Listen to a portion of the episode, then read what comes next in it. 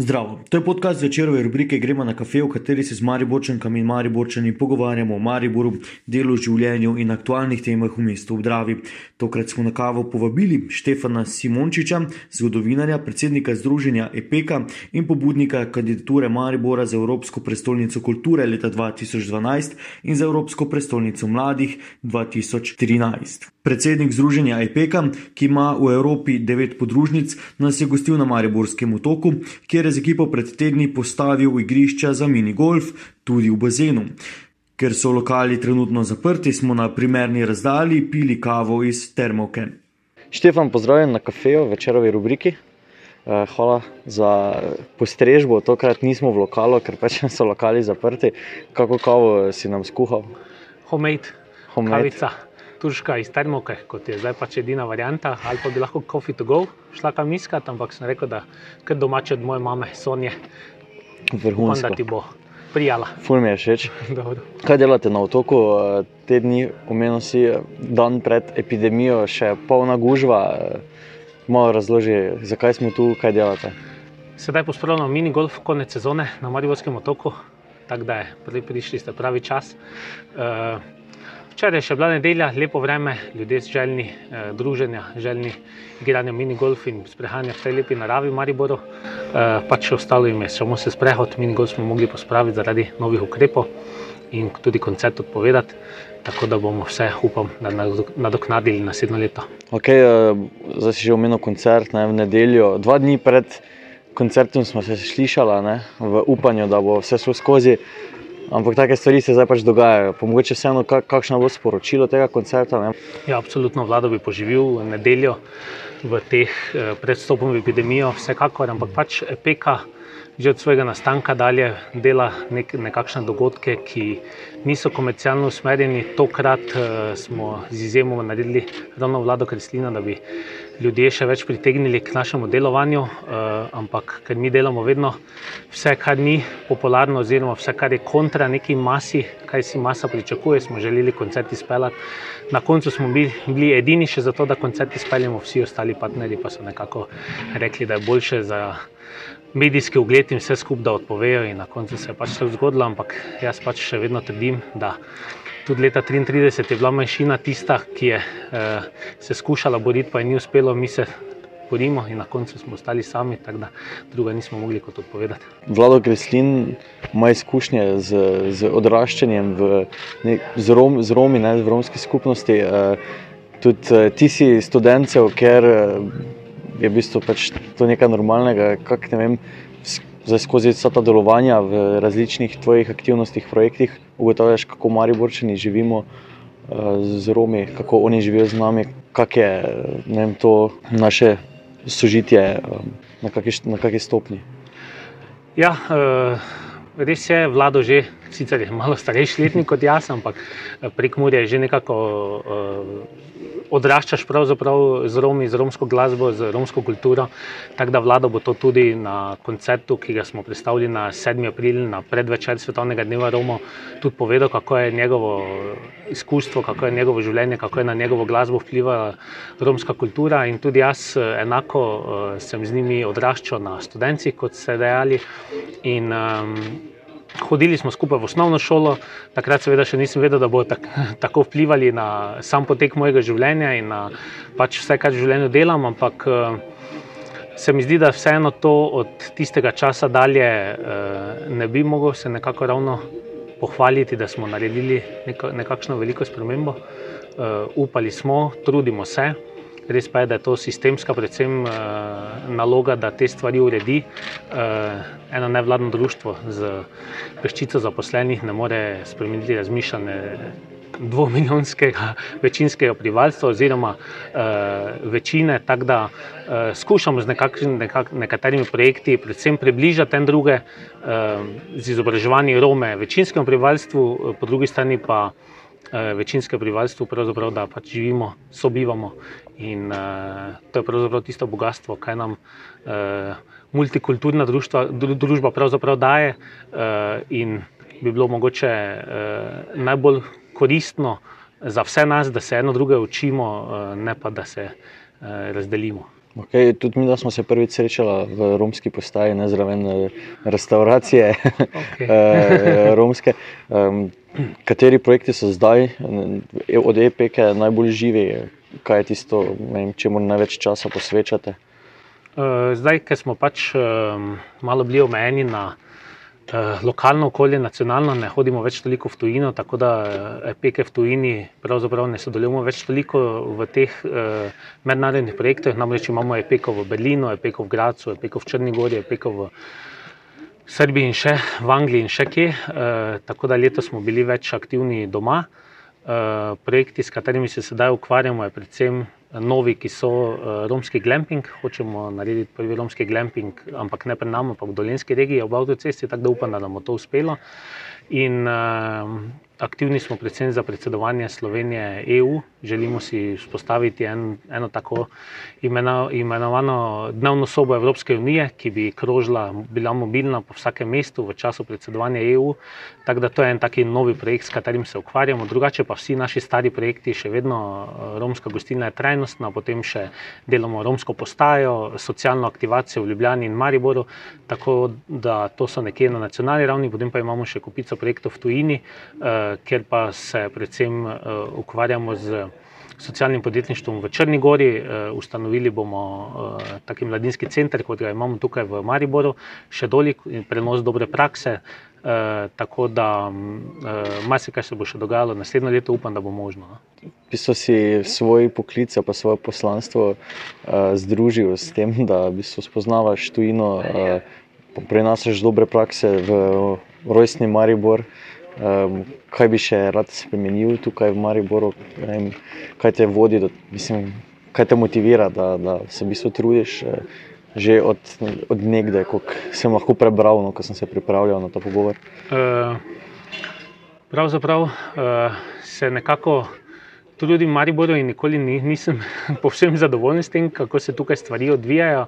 Tako da je tako nekako se mi zdi to tipično mariborsko. Uh, ampak uh, mislim, da predvsem. Uh, Z trudom, z nekim stalnim izobraževanjem, delamo spremembe, korak po korak. Sicer je pa res, da vse težavne zadeve, ki jih imamo tu v Mariboru, in jih nikako ne moremo premostiti, potem rešujemo tako, da grem raje na projekt, oziroma kaj delati tujino in se tako malo zbistrim in umirim. In mi pravzaprav Maribor potem postane, ko nisi v njemu, spet mogoče nazaj všeč, ampak moraš pa, če se le da, iti iz tega mesta, malo, da, se, da se zrelaksiraš in uh, sprostiš. Okay, v preteklosti si sodeloval, pa bil zelo upet to, da je, so se v Mariboru zgodili tudi večji mednarodni projekti, ne, tako kot je v bistvu Evropska prestolnica kulture in Evropska prestolnica mladih. Ne.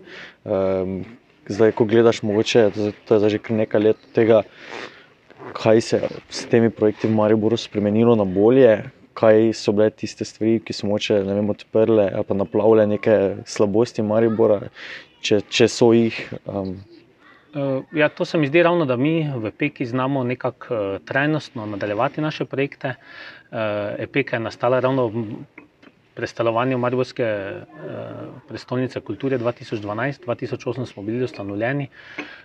Bom rekel, takrat smo vsi pričakovali, da bo neka trajnost ostala, da bo vse, kar se je v tistem času naredilo, tudi obstalo. Mi se bojim, da mi smo eni, pravzaprav edini, ko smo takrat nastali in še delujemo, vse ostalo se je zaprlo in potem seveda vzhičeni od teh, uh, takrat to je bil velik uspeh za Maribor. Smo, sem predlagal Mariboru tudi Evropsko predstavnico mladih, ki mogoče tudi um, je izgubila neki trajnostni moment, ampak še kar strajam.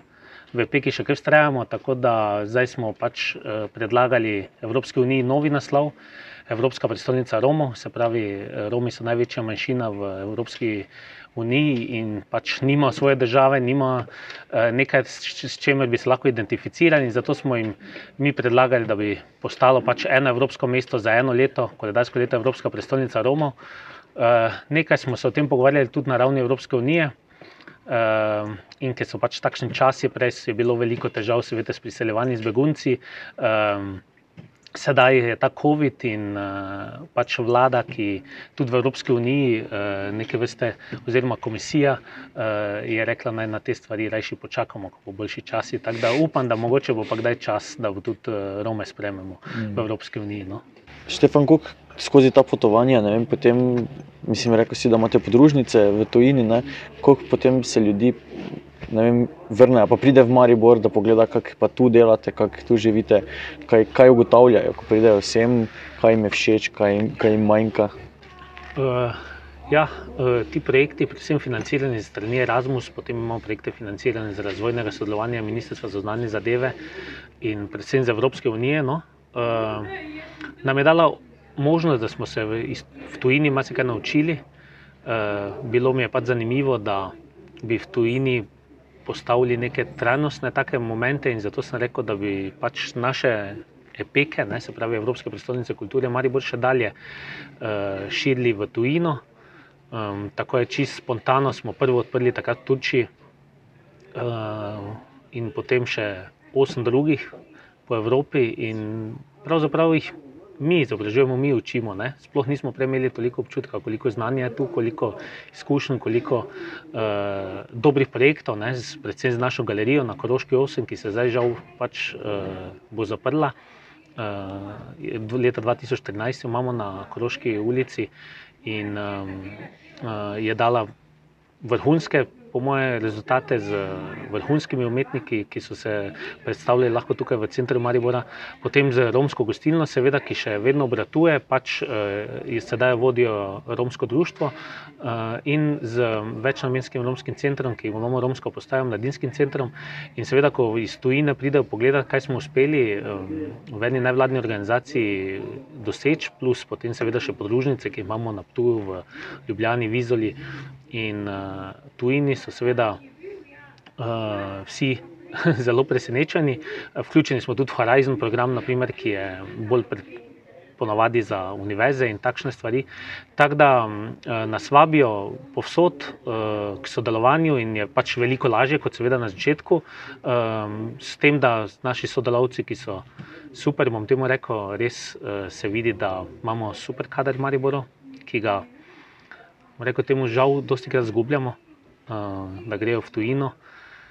In se nekateri ne vrnejo. Tako imam, naprimer, Luka Murovca, arhitekta, ki vodi Peko Berlin, Berlinu in je super, da je ta umetniški vidik v Peko. Potem imamo uh, Urbana Žunka v. Servus, dober dan, zdrav. Imamo Urbana Žunka v v, v Avstriji. Tako da uh, potem tudi Berana v Črni Gori, moram reči, da imamo super ekipo in v Srbiji. Tako da v Angliji tudi slovenka, vodja Lidija Pačnik, Tako da nekako še vedno ostajam z Maribočani skozi eh, skoz te podružnice v tujini v kontaktu. Zakaj? Ker se dobro razumemo, ker eh, smo nekako ostanemo povezani, eh, seveda dajo svoj doprinos, ampak jaz mislim, da bi, če bi bili v Mariboru in dobili priložnost, bi po mojem Maribor imel. Um, Boljše rezultate, kot jih ima, rečemo tako. Ravno to, ne, rekel si, da delate trajnostno, pač dolgoročno. Uh, ste en primer dobre prakse, kak sredstva iz Evrope uh, pripeljati tudi v Maribor. Ne? Bi lahko dali kak na svet, mogoče lokalnim skupnostim. Politiki se radi pohvalijo s tem, ne, da pripeljajo evropski denar v, v mesta, v projekte. Uh, vam to uspeva že dlje časa. Ne? Ja, zato pa smo mi tudi uh, skušali nekako pristopiti k javnim zavodom, v tem primeru športni objekti, uh, da nekako Eh, začnemo sodelovati, da iz, izmenjujemo izkušnje. Um, na političnem področju so ponavadi uh, druge prioritete, ki jih moraš upoštevati, kot pa rečemo, temu, mi smo vseeno lahko rečemo, kot privatni sektor, ne vladni sektor, ampak moramo obstati na trgu in nekako priti do sredstev na takšen ali drugačen način, ali skozi socialno podjetništvo ali skozi razpise. Uh, v politiki so pač druga, druga merila. Uh, Ampak eh, se pravi, dosti krat se mi zdi, da eh, v Mariboru je prevečkrat pomembno, eh, če ga vsi, naš ali ne vaš, je to potem že takoj začne pričeti deliti sodelovanje. In zato se mi zdi, da dosti krat se stvari ustavijo v tem mestu. Tako da Mi skušamo, seveda, nimamo vedno toliko časa kot letošnje leto, da pristopimo in spostavimo sodelovanje, ampak presenečeni pravzaprav uh, boste, ko, če bi pravzaprav naštel par imen, ki res odlično sodelujo s tujino in imajo tukaj samo uh, v evropskih projektih in imajo tu samo bivanje, drugače pa sodelujo z partnerji iz cele Evrope in tudi upam reči, da jim zelo dobro gre na tak način. Pač teh ljudi tudi se, ali se težko najde, ali pa se do njih ne pristopi, je pa absolutno kvaliteten kader, ali bodo še dan danes, uh, ki pa seveda imajo dovolj svojega dela in se ne morejo ukvarjati z tem, da bi pomagali Mariboru. Zakaj ne?